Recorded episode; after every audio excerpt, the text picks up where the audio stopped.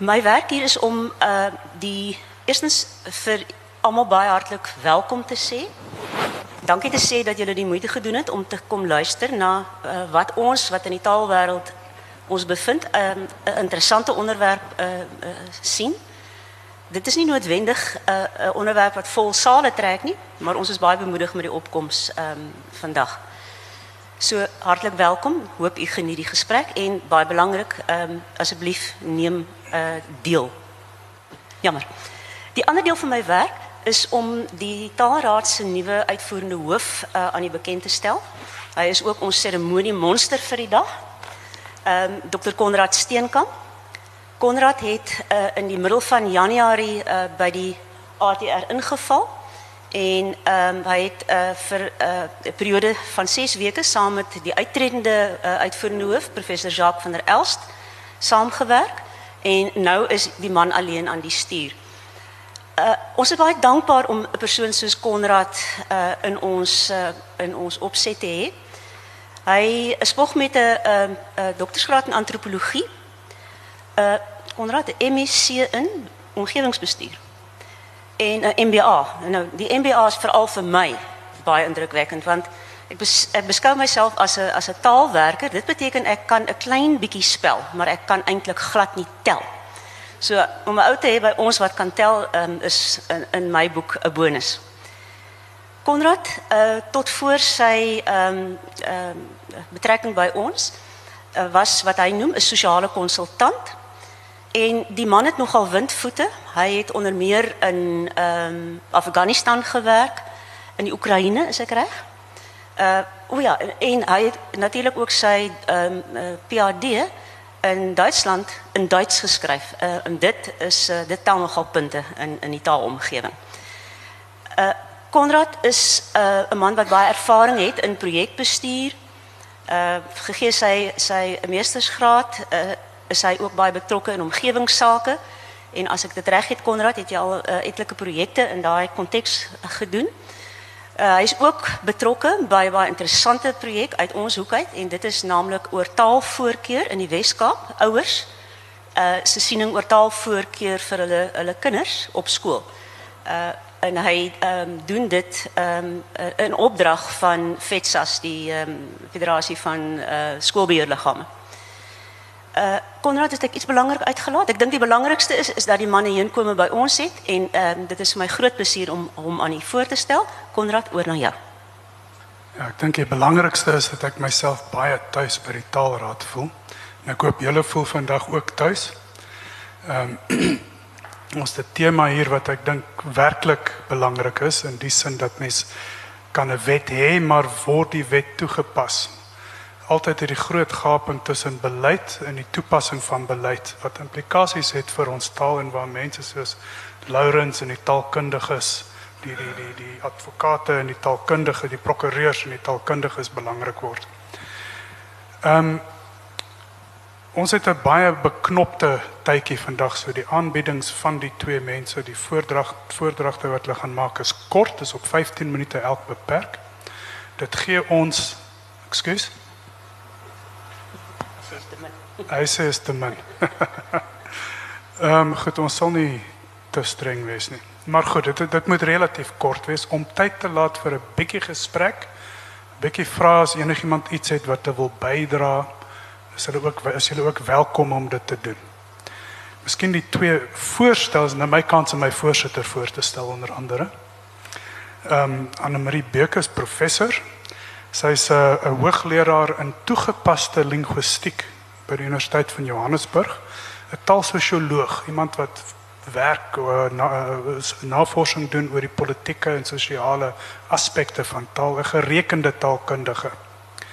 Sy het ook 'n lang betrokkeheid by die departement van kuns en kultuur se taalprosesse gehad.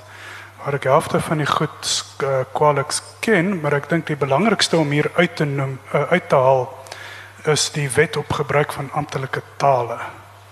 Ehm um, sy sal waarskynlik nou ook voel ek laat miskien hier so goed uit wat ek moes genoem het maar nie genoem het nie. In wese is iemand wat al 'n lang pad met taalkwessies en beleidskwessies ge, geloop het. Cornelis Lourens is 'n prokureur. Julle het miskien al van hom gehoor. Hy's egter nie net 'n prokureur nie, hy's ook 'n taalaktivis. Ehm um, ek vind dit besonder interessant wanneer iemand met hierdie tegniese met hierdie tegniese agtergrond ook hardgedrewe is en 'n aktivis word in in in 'n in 'n veld. Viva! Viva! en wie was dit?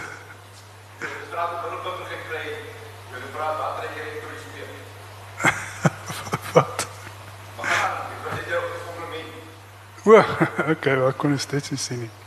Ehm um, hy is die uh, uit onder andere die vereniging van regslui vir Afrikaans begin.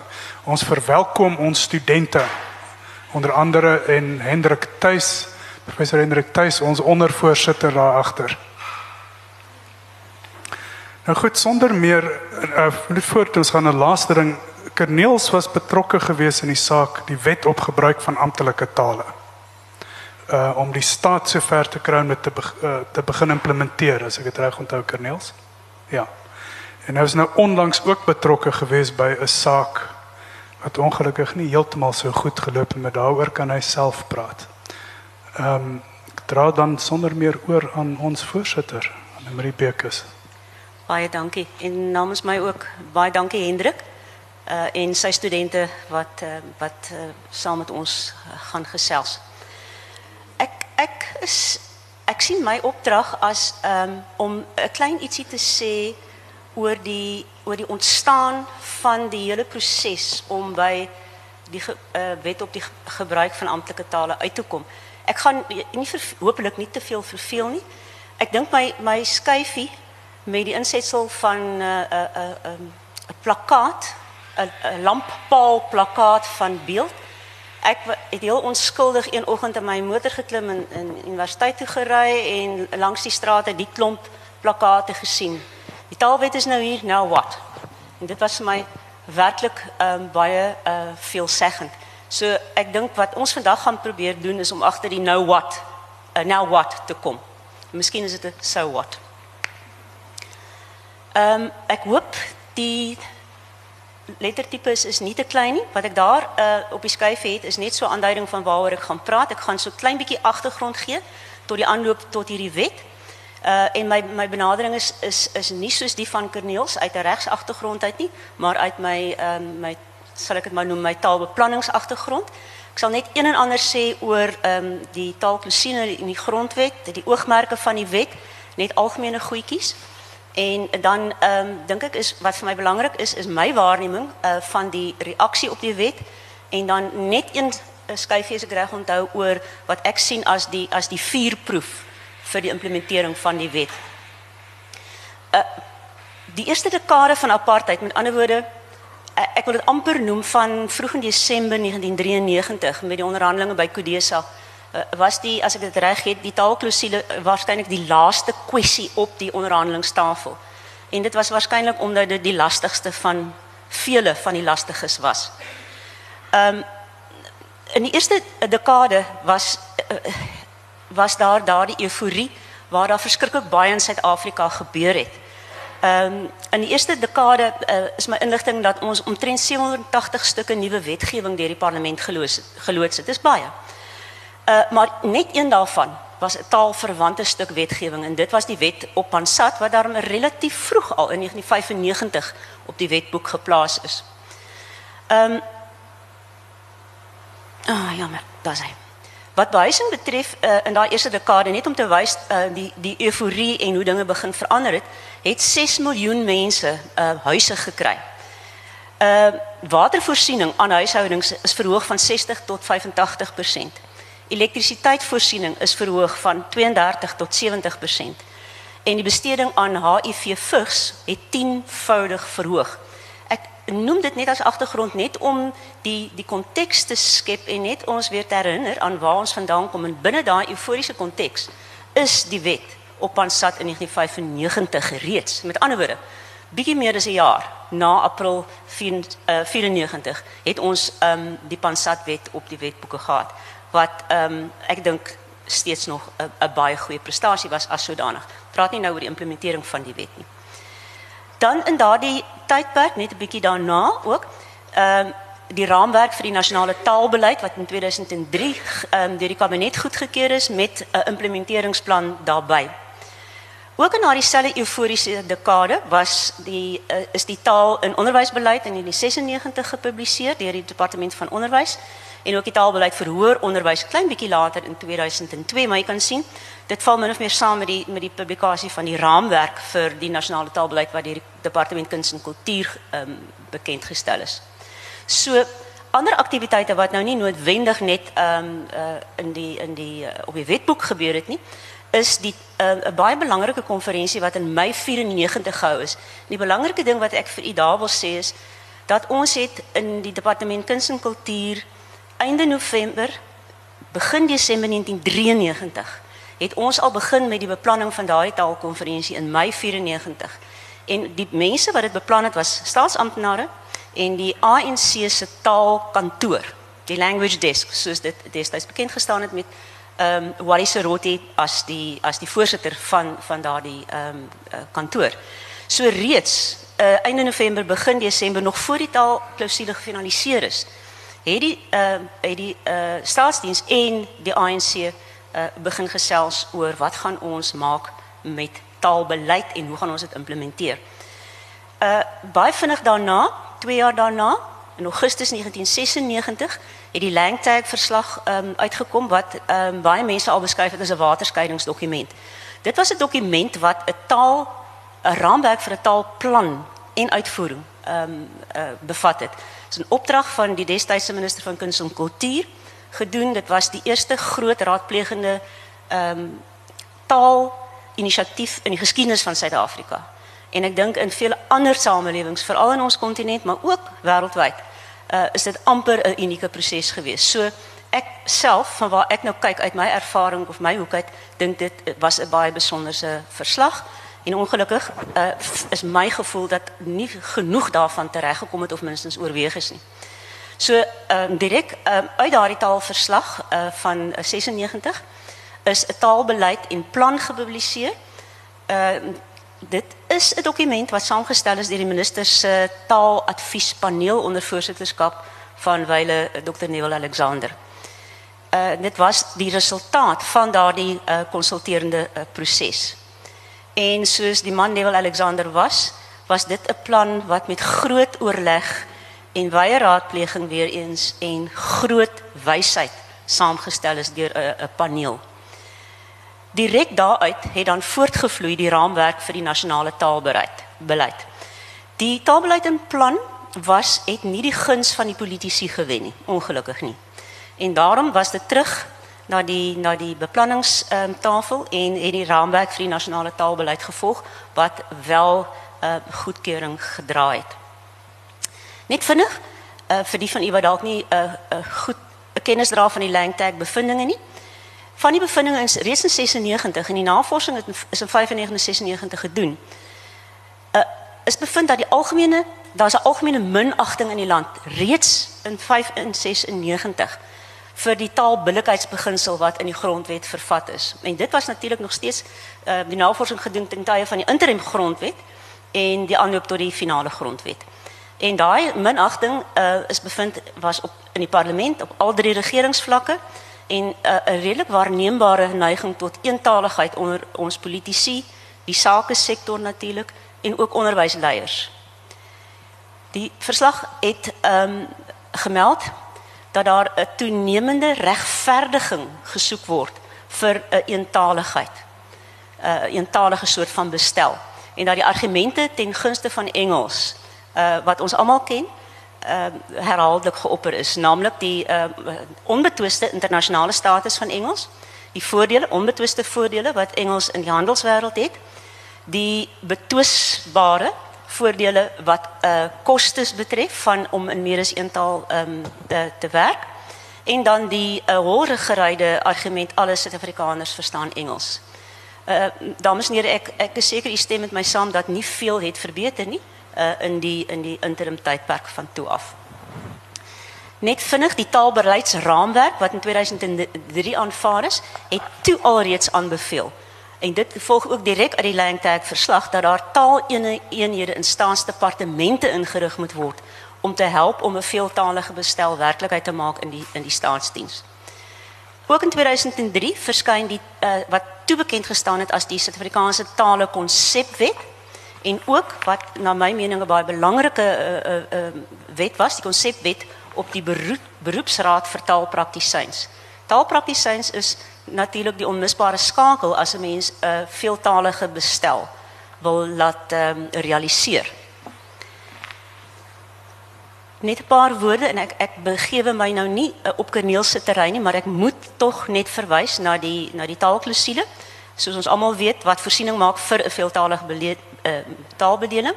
Artikel 6.1 af uh, het amptelike status. Artikel 2.2 wat die uh, belangrike punt uh, uh, maak van dat daar praktiese en daadwerklike maatreëls getref moet word om die status en gebruik van die uh, voorheen benadeelde histories ingekorte tale en hulle gebruik um, te bevorder. En die opdrag aan die regering van die dag, provinsiale regerings, om minstens enige twee bepaalde amptelike tale te gebruik vir regeringsdoeleindes. En dan die belangrike artikel 63A wat wat voorskryf watter faktore in ag geneem moet word uh, wanneer uh, besluit word watter tale gebruik moet word, naamlik gebruik van tale, ehm um, doenlikheid, uh koste, streeksomstandighede en dan die belangrike ding, die ewewig van behoeftes en voorkeure van die bevolking as geheel of in 'n betrokke provinsie. Artikel 6.4 lê verpligting op nasionale en provinsiale regerings om hul gebruik van die amptelike tale deur wetgewende maatreëls te reël en te monitor. En dan kan jy sien aan die regterkant van my skuifie, uh, ek probeer dit onderstreep, dit uh, lê op die weg van die regering om sy gebruik van amptelike tale te te moet reël en te monitor en nie die publiek. Die regering moet wetgewende ander maatreëls instel. Dit lê die regering se weg. Die waardes, die onderliggende basiese waardes van die grondwet is hier dink ek miskien die heel belangrikste aspek wat ek na vore wil bring. Die grondwet is in beginsel onderskryf dit 'n breër verbintenis tot 'n inklusiewe en 'n akkommoderende benadering tot diversiteit. En uit die aard van die saak is ons taaldiversiteit 'n baie deurslaggewende aspek van Suid-Afrika se se diversiteit. In artikel 6 is in gees en letter na my mening 'n verbintenis tot inklusiewe veeltaaligheid.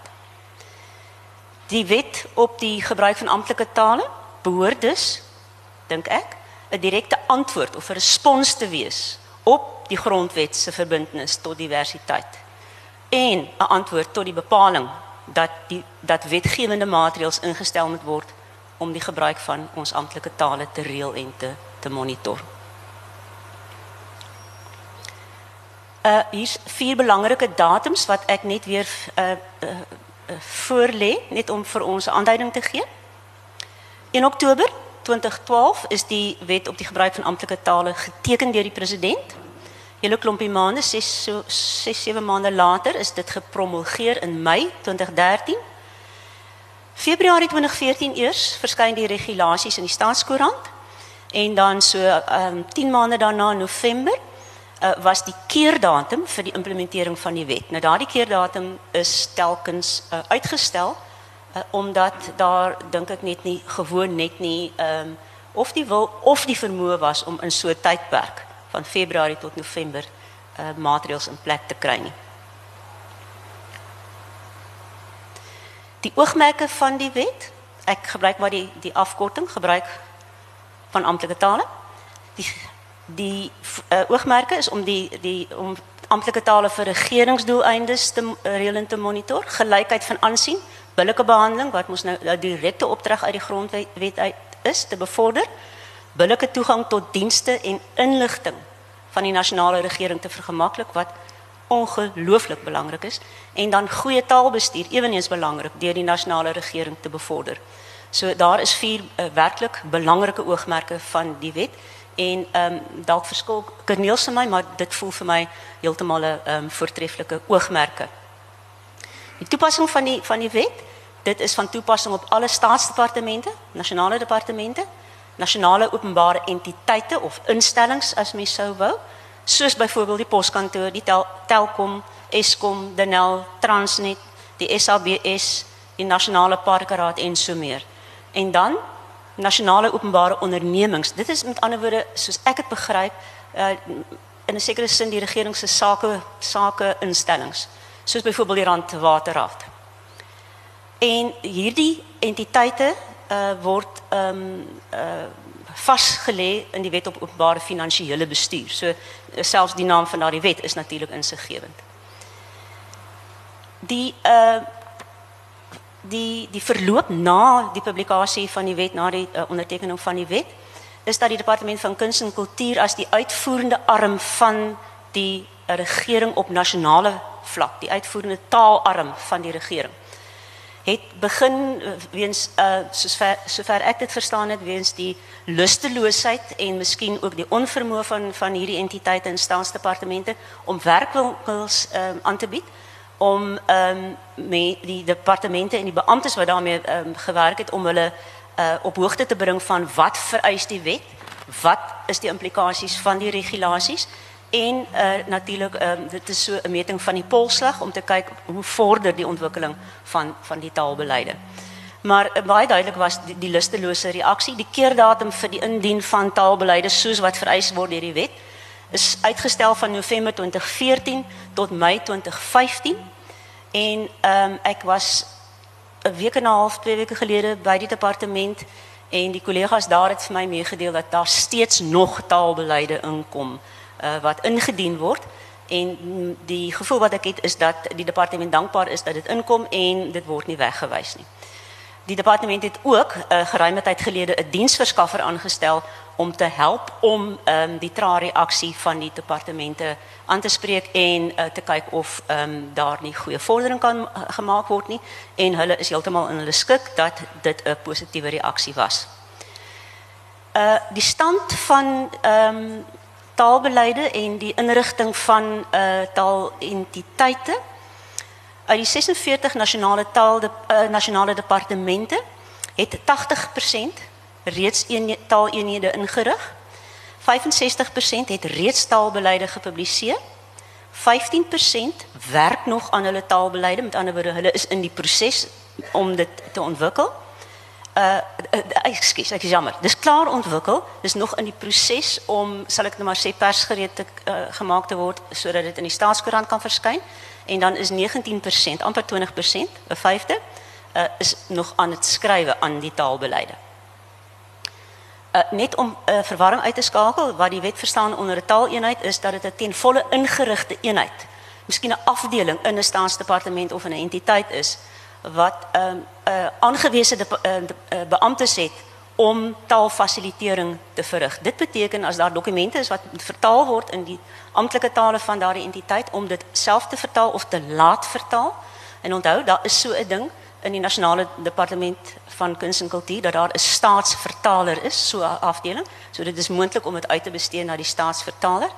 Ook om indien nodig um, tolking te reël as um, mense aandring op tolking, dokumente te redigeer en so meer. So dit is min of meer wat taalfasilitering um, behels. Die stand van taalbeleide wat die entiteite en die on, openbare ondernemings betref, daar is 157 van hulle ingevolge daardie wet. 36% het reeds eenhede ingerig. 36% het taalbeleide gepubliseer. Jy sien dis nie so 'n goeie reaksie hier soos by die staatsdepartemente nie. 14% uh van daardie uh eenhede entiteite het ehm um, vrystelling gevra en dit is toegestaan. En 64% sê hulle skryf nog daar is so 'n aanduiding van die stand ehm um, so net so by die oor die 5 oor die 60% beleide is reeds gepubliseer en dan kan jy sien daar is werklik goeie vordering in daai verband by die nasionale departemente.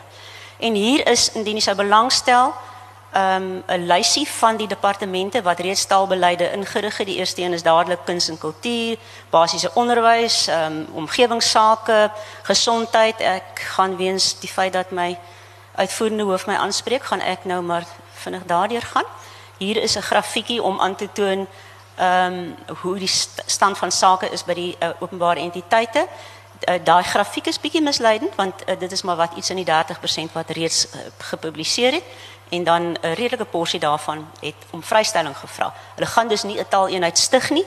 Hulle gaan ander maatreëls tref om ehm um, uh, gestalte te gee aan hulle taalbeleid. So now what? Myns insiens, die vuurproef vir die wet Dis nie slegs om eenhede in te rig soos wat die wet voorskryf nie. Dit is nie slegs om taalbeamptes aan te stel nie. Dis nie net slegs om beleide te publiseer en te kenne te gee hoe 'n mens met beleide sal omgaan en die, en en en so mee nie. Dit gaan om doeltreffende implementering.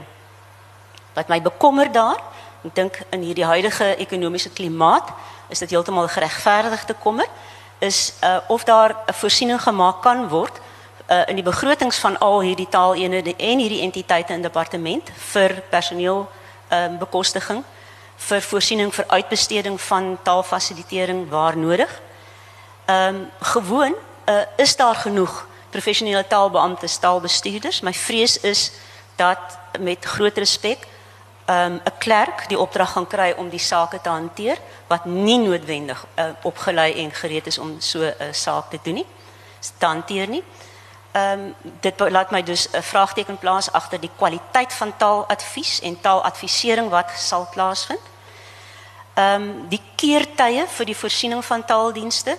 My vrees is dat alle dokumentasie in Engels gaan verskyn en dat dit maande indien nie meer gaan duur voordat dokumente in die ander amptelike tale van daardie departement of entiteit gaan verskyn.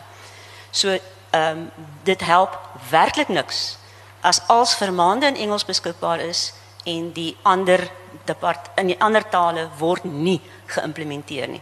So 'n tydige reaksie. Met ander woorde, in 'n ideale wêreld en ek besef ons leef in 'n gebroke wêreld, maar in 'n ideale wêreld moet daardie publikasies, daardie gelyktydige taal uh, taalfasilitering gelyktydig plaasvind. Anders gaan dit nie in die praktyk gebeur nie. My vraag is, het kuns en kultuur se nasionale taaldiens met ander woorde die staatsvertaler, die staatsterminoloog het hulle voldoende kapasiteit om hierdie beleid doeltreffend te implementeer en die groot vraag is dis 'n menigte beleide om dit te moniteer, die implementering te moniteer. Die handlanger van die departement is Pansat en die is dus funksioneel. Was dit grootliks van sy bestaan disfunksioneel. My laaste skyfie Konrad. Dit kwel my dat die heersende diskurs en dit voel vir my dit neem toe in in intensiteit. Die heersende diskurs oor ons grondwet is dat die grondwet eintlik nie veel beteken nie. Dit word 'n dooie dokument. Daar was in hierdie week 'n debat hier op die Woordfees waar die jong mense gesê het dis 'n dooie dokument. Dit beteken vir ons niks want ons sien nie enige konkrete gestalte gewing aan belangrike kwessies nie. En dit is dis 'n wye ontnugtering oor die toepassing van van ons grondwet en dan by implikasie ook die taalklousule. By implikasie geen of min ehm uh, veeltalige beleidsimplementering. So dis 'n lustelose en 'n gebrekkige implementering van die taalklousule en ek is ook bekommerd dat die swak bestuur taalbestuur deur Pansat nog 'n geruime tydjie gaan neem om beredder te word. 'n Laaste aanhaling deur oorlede Gerrit Brandt wat baie soos u weet betrokke was by die stigting van die Taalraad. Hy sê 'n deeglike en hy sê dit in 2004, 'n deeglike ontleding van ontwikkelinge oor die laaste dekade gesien teen die agtergrond van 300 jaar se kolonialisme, segregasie en apartheid dui daarop dat taal een van die sentrale faktore is wat sal bepaal in watter rigting ons samelewing gaan ontwikkel. En ek onthou my herinner my dit baie duidelik keer op keer. Het Neville Alexander in daardie tydperk in die laat 90's toe ons gewerk het aan die lang lengteek verslag en die en die taalbeleid, het hy gesê niemand glo my nie. Maar taaloorloë gebeur. En dit kan beslis in Suid-Afrika gebeur as ons nie werk maak van die taalbepalinge in die grondwet nie. Dankie. Baie dankie. Ehm um, ek neem aan julle kan die vraag hou tot na Kerniels sy ding gesê het. So oor na jou Kerniels. Baie da baie dankie dokter Konrad. Dankie prof van der Marie vir insiggewende inset. Uh dames en here, uh ek ek het 'n stuk voorberei, maar ek gaan afwyk van hom ten einde uh te midde van ons tydsbeperking. Nou eerstens, ek dink ons moet die konteks van uh ons situasie as uh ek ek doen hom uit die Afrikaanse hoek uit. Binne die konteks moet ons onthou 40 jaar terug was die Soweto uh, opstande en om aan te sluit by uh prof Anne Marie uh Dr. Neville Alexander het in uh, die skitterende boek wat julle almal behoort te lees uh wat so 'n jaar of so terug verskyn die discussions with Neville Alexander het hy gesê dit was die sneller uh vir die opstande Afrikaans. Uh dit was nie die oorsaak nie. Ehm um, so die konteks 40 jaar terug die, ons gaan die volgende maand tot 3 maande gaan ons Afrikaans uh gaan met die sweep geslaan word. So ons moet daai konteks onthou. Maar ons moet kalm bly. Ons moet maar die golwe uh uh aanvaar. Uh, uh dames en here, die uh na klomp hofsaake. Ek het nou al dink ek 11 teen die staat op taal. Ek sal nou net kortliks net vinnig daarna verwys. Uh waarvan twee nou e-, een onsuksesvol is en ek het gister die appel of uitspraak gekry. Dit gaan oor publisering van al die wette in al die amptelike tale wat die appel of uh, vir my nee gesê het. Gesê het net dit hoef net in twee tale te wees. Ehm uh, maar daar was belangrike positiefes wat uit hierdie uitspraak uit uh, voorspruit wat op die uh, op die GATW, ek praat van die Use of Official Languages Act. Tegnies kan jy nie in 'n hofstuk byvoorbeeld praat van die gebruik op amptelike tale wet nie omdat hy nie amptelik in Afrikaans vertaal is nie. Ek weet nie wat die ander taal nie, maar uh, ons gebruik jy moet jy moet tegnies met die Use of Official Languages Act gebruik. Ja, oos Wenda. Uh so dames en here, die die kern wat my my persepsie van Suid-Afrika en dit is hoe ek die in die hofsaake uh die stellings wat namens die minister van konsultuur gemaak word en gemaak is is dat die 11 tale soos 'n uh, 'n uh, 'n uh, 'n uh, uh, advokaat Trengrove dit hier in die Kaap gesê het en dit is nou deel van die appelhofstukke gewees.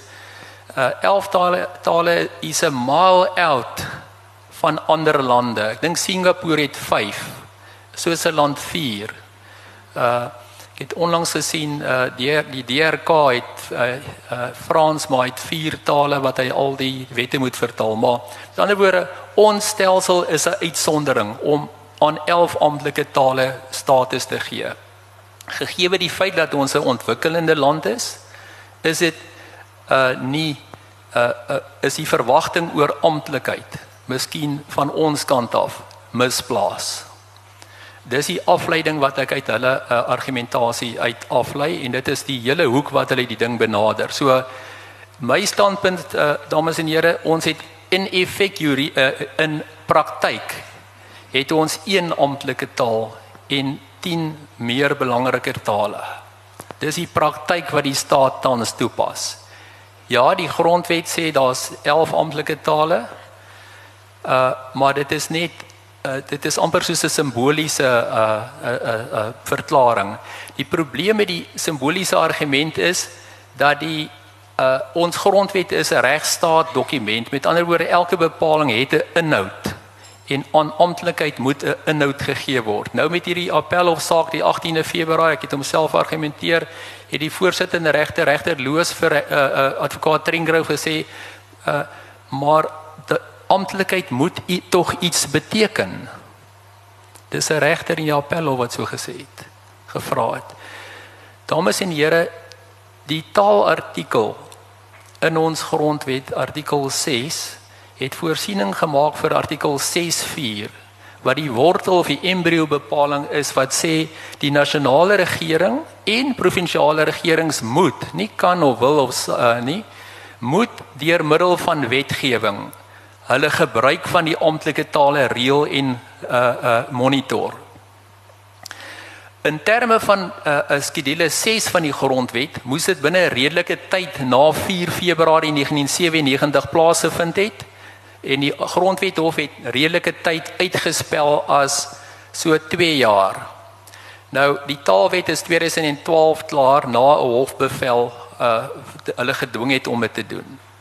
So dis nou omtrent al 19 jaar gelede uh uh wat die uh volgende jaar is dit uh 20 jaar terug wat die grondwet in werking getree het. So daar is met ander woorde nie toegelaat dat daar wetgewing is wat die verengelsingsgolf wat in Suid-Afrika bestaan die verengelsingsgolf te kan rem nie.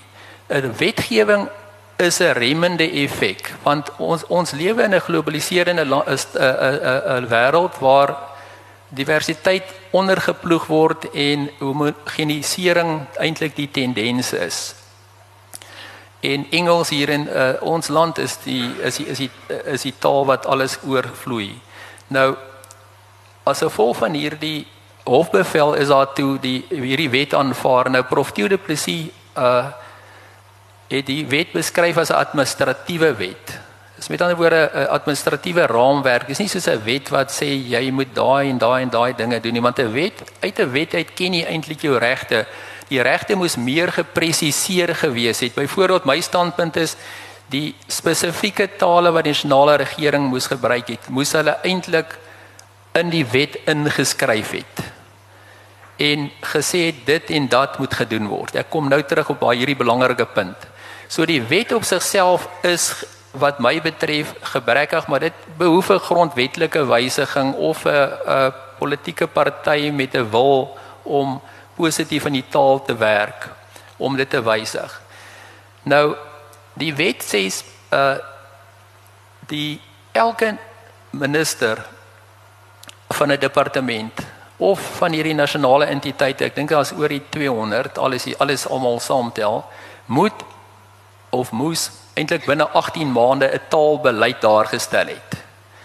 Nou die daar's 'n eh, daar's 'n template gemaak en daar's verskillende beleide gemaak en dis min of meer dieselfde, maar die hoofkeuse tale is Engels, isiZulu en dan 'n Sotho taal, gewoonlik Sotho, maar Afrikaans met baie beperkte uitsonderings. So die effek eintlik wat hierdie taalwet ge gebring het is nie positief vir sy vir Afrikaans as sodanig nie. Dit het, het, wel 'n remmende effek soos ek gesê het wat 'n wet moet hê, maar vir vanuit Afrikaans sprekende oogpunt uit beteken hierdie wet nie veel nie. Maar ons ons moet ook 'n ander perspektief uh onthou ons moet die groot prentjie onthou. Elke stukkie wat nie Engels is nie, is positief. So van 'n van 'n Afrikaanse oogpunt uit en ek maak dit uit die stuk uit wat ek voorberei het vir julle is dat uit 'n uit 'n breër Suid-Afrikaanse konteks is hierdie bevordering van diversiteit, die afdwinging van die taalwetgewing, dit wat die Afrikaanse Taalraad ensovoorts doen, is 'n vreeslike positiewe bydrae tot Suid-Afrika uh, patriotisme. Want 'n uh, mooi 'n uh, storieetjie wat ek julle vertel, die saak ek het 'n advokaat Pietie Jager uh gebruik in die saak in die Kaap. Sy tuinwerker het na hom toe gekom na die saak op die TV gewys is. Toe sê hy vir hom meneer, baie dankie dat julle vir ons taalreg. Ons het nie geld nie. Ons het nie die kennis nie. Baie dankie dat julle vir uh vir vir, vir ons tale veg. Dis dis dis uh dan is daar daar's daar's hier en daar is daar taalaktiviste in die in die uh uh in die inheemse taalsprekers, hulle moet hulle moet aan boord kom, dink ek, om dit verder te neem. Maar as ons Afrikaans wil bevorder as amptelike taalstatus, as 'n amptelike taalstatus sal daar meer deur ons gedoen moet word. Ons hoop kan nie gefestig bly op hierdie taalwet en die taalbeleide nie. Uh ek dink persoonlik die Afrikaanse Taalraad behoort uh, hierdie beleide uh op ersiening te neem. Want hulle moes in terme van artikel 63A minstens die die, die nasionale demografie van gebruik van tale gebruik het en Afrikaans funksioneer baie sterk daarin. So die ignorering van Afrikaans is onaanvaarbaar eintlik uit uit 'n uh, uit 'n uh, uit 'n uh, uh, objektiewe oogpunt uit. Dis opsetlik wat my betref. So die taalraad sal iets daaraan moet doen, maar die interessante rede hoekom ek dink daardie wet is geskryf dat elke departement sy eie taalbeleid moet hê, dat nie een spesifieke beleid nie, is omdat daar dan dan is daar so 10 tale oor die honderde. Wie gaan hulle kontroleer? Wie gaan kontroleer uh, wat uh, Prof van der Merrie gesê het? Wie gaan kontroleer of dit of hulle werklik hierdie uh tale gebruik vir hulle uh uh, uh die taalbeleide en hulle departemente in Zulu en in Sotho um administreer. Dit is die vraag, hulle het nie kapasiteit nie. Nou om terug te kom na gister se uitspraak in die Appelhof. Die Appelhof sê uh dit het gegaan oor die publisering van uh, al die wette in al die tale want my standpunt is in terme van die hierdie uh, gebruik op amptelike tale wet moet al die wette in die verskillende streke beskikbaar wees om te administreer. So met ander woorde as X departement het uh vir die publiek in Wenda in die noorde wil dien, dan moet die wet in Wenda beskikbaar wees. As hy in Zululand moet in Zululand en in, in Oos-Kaap moet uh, isiXhosa beskikbaar wees.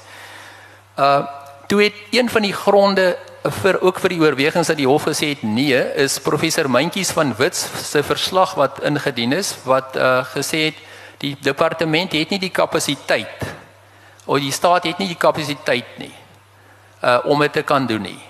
Dit is een rede. Die ander rede is artikel 6.3 wat sê daar hoef net twee tale gebruik te word. So die staat is gemagtig om dit te doen.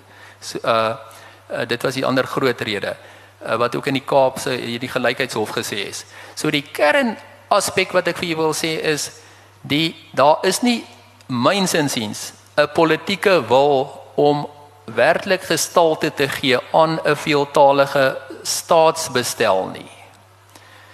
Dat die Afrikaanssprekende gemeenskap trots moet wees op die feit dat ons hierdie diversiteit bevorder en die inheemse tale bevorder. Dit is 'n groot pluspunt vir ons en hopelik eendag met die Afrikaanse Taalraad se betekenis opgeskryf gaan word gaan dit uitstaan. Maar nou vra jy vir my wat hoe sien ek die die die pad vorentoe? Ek het hier reeds gesê ek dink hierdie beleide behoort deur die Taalraad op hersiening te neem en die juridiese weë moet geveg geneem word. En as ek net daar mag myself onderbreek, baie keer word dit gesien dat om hof toe te gaan en so voort is 'n aggressiewe benadering. In 'n regstaat wat ons is, is dit is is dit is dit een van die gesofistikeerde wyse om 'n konflik. Jy gaan nie 'n uh, plek afbrand of jy gaan nie iets 'n uh, uh, uh, iemand doodskiet nie. Jy gaan hof toe. Dis die gesofistikeerde wyse waar die geskil besleg word. En daarom is dit nodig dat daar 'n groot aktiwiteit is om hierdie aspekte op te los. Natuurlik uh moet die taalraad in gesprek tree met die regering. Nou ons op die oomblik ervaar ons 'n onwil by die uh, by die uh, regering om daaroor te praat en eintlik is dit 'n vreeslike groot misverstand. Ons wil nie politieke mag terug hê nie. Dit is wat ongelukkig met Afrikaans daai daai persepsie sal moet geskei word by die regering. Ons wil nie ek wil nie Afrikaans in die hof kan gebruik As dit bestuur word, hulle kan regters aanstel, een of twee wat Afrikaanse sake kan aanhoor. Dit kan bestuur word alles. Die hele diversiteit is bestuurbaar. Maar hulle sien dit as 'n politieke ding. Dis my persepsie. Hoe sien ek die toekoms? Ek sien die toekoms dat ons in terme van hierdie gebruik op amptelike tale wet waar die uh departemente voor nou drie tale kies, moet hulle voorsiening maak hoe handel hulle met die lede van die publiek wat aanspraak maak op 'n ander spesifieke uh taal.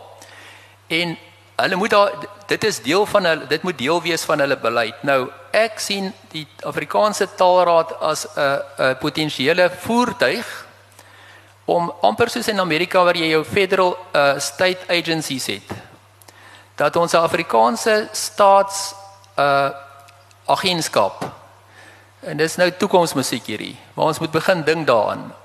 'n uh, Afrikaanse staatsagentskap wat ons vir die regering sê, regering, ons verstaan julle wil nie uh uh julle julle kan nie by elke plek waar Afrikaans is om Afrikaans sprekende aanstel nie. Julle het nie die kapasiteit om die om die um, om al die vorms in Afrikaans te vertaal nie, maar ons het die kundigheid Maar julle moet ons ook geld gee want ons is belastingbetalers.